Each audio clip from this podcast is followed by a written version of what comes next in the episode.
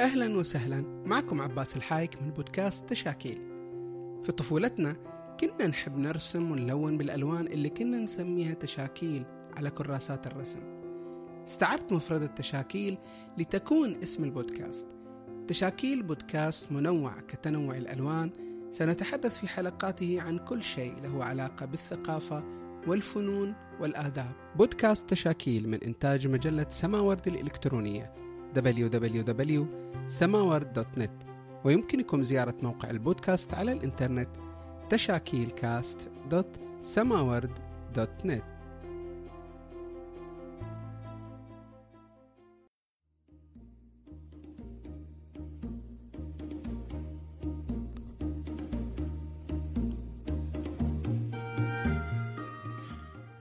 هل جربت مرة أن تبحث عن موضوع ما باللغة العربية في جوجل أو اليوتيوب أو أي موقع بحث على شبكة الإنترنت واكتشفت قصور المعلومات حول الموضوع الذي يشغلك؟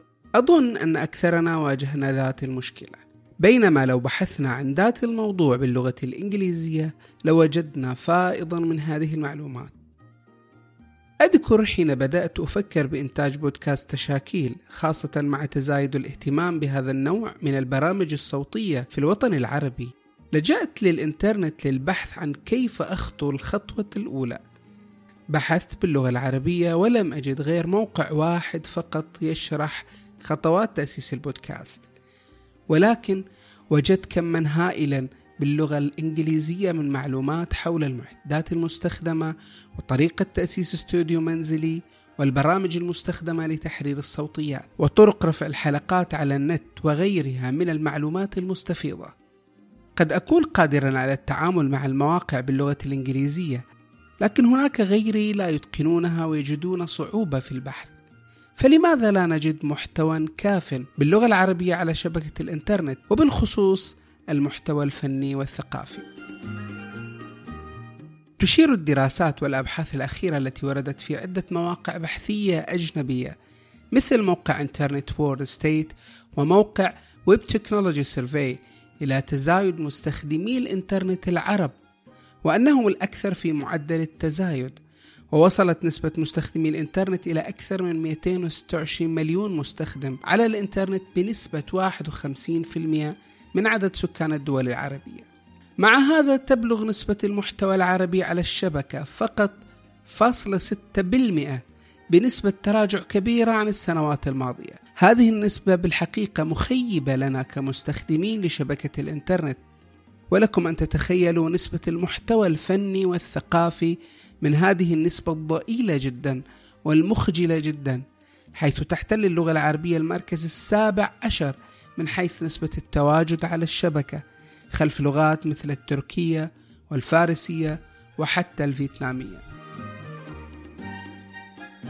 ومن منطلق أن المعرفة قوة كما يقول فيلسوف فرانسيس بيكون تكمن أهمية المحتوى العربي ووجودها على الشبكة بشكل متوافر فنحن ندرك أن شبكة الإنترنت صارت من أهم مصادر المعلومات والتي من بينها مصادر المعلومات التقليدية مثل الكتب والدوريات كالمجلات والصحف الورقية والكتيبات والنشرات والمصادر السمعية والبصرية للمعلومات ومصادر المعلومات الإلكترونية وهي المصادر الأكثر استخداما في عصرنا الحالي. لذا يفترض بالمحتوى العربي أن يصل لمستوى تزايد نسبة مستخدمي الإنترنت العرب فالواحد وخمسين في المئة من عدد سكان الوطن العربي بحاجة لمصادر معلومات وفيرة. فما لا نجده من مصادر المعلومات التقليدية. فمن الواجب أن توفره لنا مصادر المعلومات الإلكترونية المتاحة لنا بين أصابعنا عبر هواتفنا الجوالة. وقد يدور سؤال حول جدوى المحتوى العربي على الإنترنت ما دام عدد المتحدثين باللغة الإنجليزية من العرب في تزايد. واللغة الإنجليزية هي اللغة التي يتحدث بها 20% من سكان العالم وهي اللغة الرسمية الأولى. والاهتمام بها يتزايد في مجالات العمل وحتى في مجالات الفنون والآداب. يمكن الإجابة عن سؤال الجدوى وبعيدا عن أي تعصب شوفيني أن اللغة العربية ليست لغة طارئة ولا حديثة لكن تكمن أهميتها من عراقتها ودورها في الحضارة العالمية. فكانت لغة العلم ولغة المعرفة فهي لغة لها مكانتها على مستوى العالم. كما أنها لغة تملك قاموس زاخر بالألفاظ والمعاني حيث يبلغ عدد كلماتها 12 مليون كلمة مقابل 600 ألف كلمة في اللغة الإنجليزية. كما أنها لغة تملك قواعدها الخاصة ولأن الفيلسوف الألماني فيخته قال عن اللغة أنها تجعل من الأمة الناطقة بها كلا متراصا خاضعا لقوانين. إنها الرابطة الحقيقية بين عالم الأجسام وعالم الأذهان كما أن اللغة هي أعظم القوى التي تجعل من الإنسان كائنا اجتماعيا كما يقول اللغوي إدوارد سابير فإن اللغة العربية لها أهمية اجتماعية في ترابط الناطقين بها كما أنها تشكل أيقونة هوية للعرب فاللغة هي المشترك بين كل العرب رغم اختلافاتهم الاجتماعية والدينية والعرقية والسياسية إلا أن الجامع بينهم جميعا هو اللغة فهي هويتهم. إذا من منطلق هذه الأهمية. فلا بد أن يكون المحتوى على شبكة الإنترنت انعكاسا لأهميتها ومكانتها وانعكاسا أيضا لنسبة مستخدمي الإنترنت الذين لا يجدون ضالتهم في المواقع العربية. لذا لابد أن نقترب من قصور المحتوى العربي على الشبكة خاصة ذلك المتعلق بالفنون والآداب والثقافة. فإذا كانت نسبة 0.6% من المحتوى العالمي عربيا إذا فما نسبة المحتوى الفني والثقافي من هذه النسبة الضئيلة؟ أكيد ستكون نسبة لا تذكر خاصة وأننا في زمن تراجع الاهتمام بالثقافة والآداب عربيا كما يقال وكما أشارت له بعض الدراسات فالاهتمام بالكتاب متراجع والاهتمام بالفن التشكيلي لم يكن يوما بالمستوى المأمول الذي يجعله فنا شعبيا ولا الاهتمام بالمسرح النوعي ولا السينما النوعية ولا بالموسيقى البعيدة عن الأغاني الشعبية المتداولة. فمع هذا التراجع فإن بالتأكيد سيكون حضور الفنون والآداب على الشبكة خجولا مقارنة بحضور مجمل المحتوى العربي من تقنية وسياسة وقضايا اجتماعية وغيرها من الموضوعات. وقبل كل هذا لنتعرف على أشكال المحتوى على الشبكة ونقرأ حضور الثقافة والفنون والآداب في هذه الأنواع. أولا المحتوى المقروء. ويعد أهم شكل من أشكال المحتوى الرقمي على الإنترنت. فقد بلغ عدد مواقع الإنترنت حتى وقتنا الحالي أكثر من بليون و700 مليون موقع إلكتروني حسب موقع Internet Live Stats وهو رقم كبير جدا ومتناسب مع عدد مستخدمي الإنترنت بالمجمل. وأكثر هذا العدد من المواقع تعتمد على المقروء مواقع شركات وجهات ومجلات وصحف وغيرها. وهناك كم كبير من المواقع تهتم بالثقافة والفنون على مستوى العالم. فلو بحثنا في جوجل على سبيل المثال عن أفضل مواقع الفنون فسيسرد لنا عددا كبيرا من المواقع المهتمة بالفنون. لنأخذ مثلا الفن التشكيلي. لو بحثنا عن أفضل المواقع المختصة بالفن التشكيلي لحصلت على نتائج مرضية متنوعة أيضا. مواقع لعرض اللوحات التشكيلية ومواقع لرسامين ومواقع لتعليم الرسم الرسم التقليدي والرقمي. كما أن هناك مواقع عن تاريخ الفن التشكيلي وأهم الرسامين. إضافة لموسوعة للفنون التشكيلية مثل موقع WikiArt إضافة لموقع تابع لجوجل اسمه Google Art and Culture والذي يعد مصدرا مهما لصور للوحات تشكيلية معروفة عالية الدقة وصورا فوتوغرافية لها تاريخها. وحتى لو عرجنا على كل أشكال الفنون فإننا نجد أيضا كما من المواقع. مثلا عن السينما والمسرح والفوتوغراف ستجد مواقع أرشيفية ومواقع جهات مثل مواقع الفرق المسرحية ومواقع شركات إنتاج سينمائية ومواقع مصورين. ولكن لنعكس الأمر على البحث باللغة العربية فلن نجد سوى سبعة مواقع في دليل المواقع العربية مختصة بالفنون التشكيلية أكثرها غير فعالة وغير موجودة أساساً. وما يقارب ال 15 موقع رصدهم موقع قطاع الفنون التشكيلية بوزارة الثقافة المصرية ومجملها غير فعال أيضا. والأمر ذاته عن المسرح. فعلى الشبكة لا يوجد أكثر من 20 موقع. بعضها غير فعال على الشبكة رغم الحراك المسرحي على الواقع. وكذلك في مجال السينما والفوتوغراف أيضا. أتذكر في فترة اشتغالي على كتابي البحثي عن المسرح السعودي جهدت للوصول للمعلومة المسرحية ولإرشيف العروض المسرحية والنصوص لأن المسرحيين لم يعوا أهمية إطلاق مواقع إنترنت تحتوي على نصوص ودراسات وإرشيف وفيديوهات وهذا ما تجده في المسرح الغربي. هذه المواقع المقروءة ستكون مهمة جدا للمهتم والباحث والممارس ومن هذا تتأتى أهمية المحتوى الفني المقروء على الشبكة.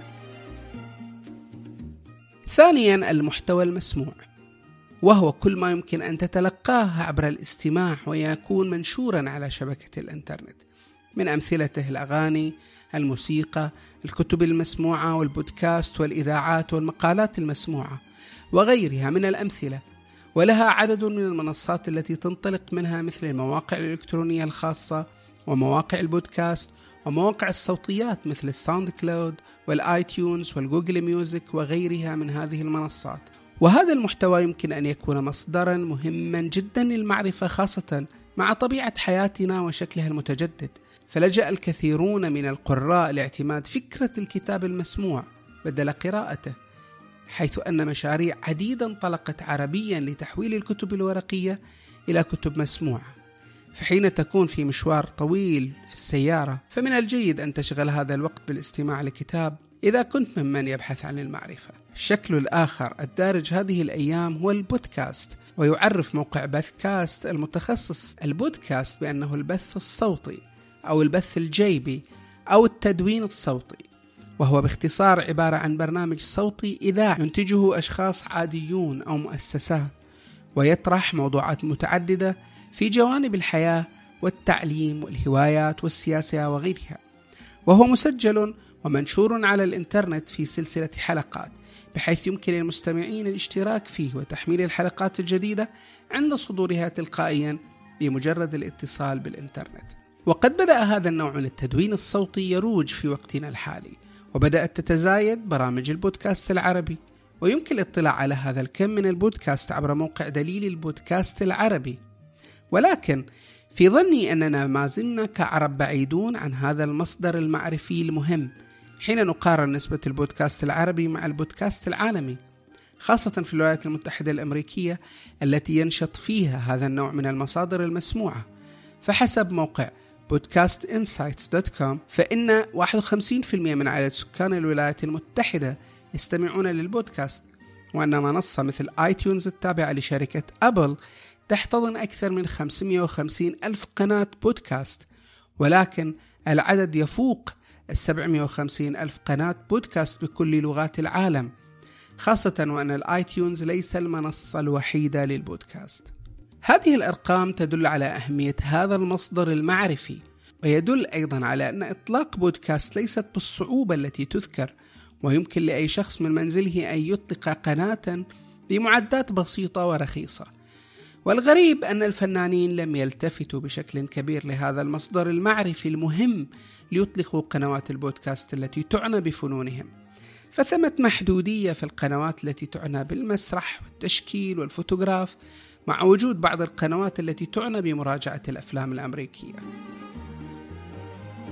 ثالثا المحتوى البصري وأقصد هنا الصور والفيديوهات التي تملأ فضاء الإنترنت عبر منصات معروفة مثل الإنستغرام في مجال الصور والفيديوهات القصيرة واليوتيوب الذي يعد الأهم والأكبر والأكثر انتشارا بين الناس.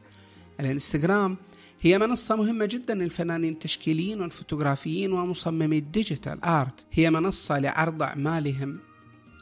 الإنستغرام هي منصة مهمة جدا للفنانين التشكيليين والفوتوغرافيين ومصممي ال digital art.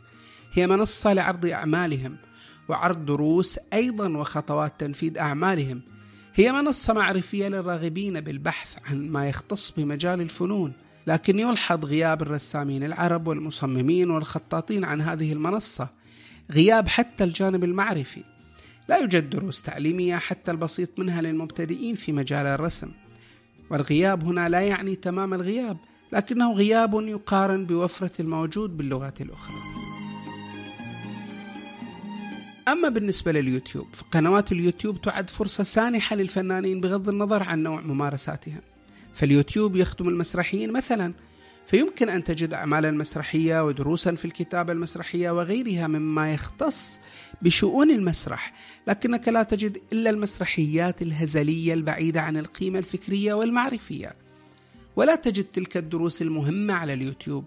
أعني المحتوى العربي. وكذلك الأمر مع الفوتوغرافيين والفنانين التشكيليين المبتعدين عن هذه المنصة. بينما باللغة الإنجليزية تجد قنوات عديدة تهتم بالتشكيل مثل قناة Fine Art Tips وقناة Fine Art Academy التي تعنى بتعليم الفن التشكيلي وغيرها العديد من القنوات. ولكن القنوات العربية المختصة بالفن التشكيلي محدودة جدا جدا. ولكن السينمائيين يبدون أكثر وعيا بأهمية هذه المنصة فأطلقوا العديد من القنوات التي تهتم بالأفلام ومراجعتها وتقديم دروس لصناعة الأفلام باللغة العربية. كل ما نتمنى كمتلقين ومستخدمين لهذه المنصة المعرفية أن نجد قنوات عديدة جدا تسد الفجوة الموجودة على اليوتيوب بقنوات تهتم بالفنون والآداب والثقافة بمجملها. بدل القنوات التي تملأ فضاء اليوتيوب ولا تهتم سوى بالتحديات واستعراضات المراهقين والذين تحولوا لنجوم وأصبحوا قدوة لمراهقين آخرين وشباب. نحتاج لأن نملأ الإنترنت بمحتوى بصري واعي ومثقف وبعيد عن السطحية. رغم كل المؤتمرات العربية والمبادرات لتطوير المحتوى العربي على الإنترنت إلا أننا ما زلنا نشغل نسبة ضئيلة وما زال المحتوى العربي والفني خجولا جدا. وهذا يرجع لقصور الاهتمام من قبل الجهات الرسمية والخاصة. ويعود أيضا إلى أن الجانب الاستثماري في المحتوى الفني والثقافي يبدو غير مشجع كما هو الحال في الغرب. ولكن الأمل في المبادرات الشخصية خاصة وأن الانطلاق من شبكة الإنترنت لم يعد يشكل عبئا لا ماليا ولا جهدا على أي أحد يرغب في أن يطلق موقعه أو بودكاسته أو قناته على اليوتيوب. فالأدوات قليلة الكلفة متاحة والبرامج أيضا متاحة. ولا كيف تحول نجوم اليوتيوب من أشخاص عاديين إلى نجوم وهم يصورون مقاطعهم بالجوالات أو بكاميرات منزلية؟ الأمر يحتاج إلى تضافر جهود إلى وعي ومبادرة من الجميع لنملأ فضاء الإنترنت بمحتوى عربي رصين. البودكاست يحتاج لدعمكم بنشر الحلقات عبر وسائل التواصل والاشتراك وتقييمه في ال iTunes وال SoundCloud. وأي ملاحظات أو اقتراحات راسلونا على الإيميل. إلى اللقاء.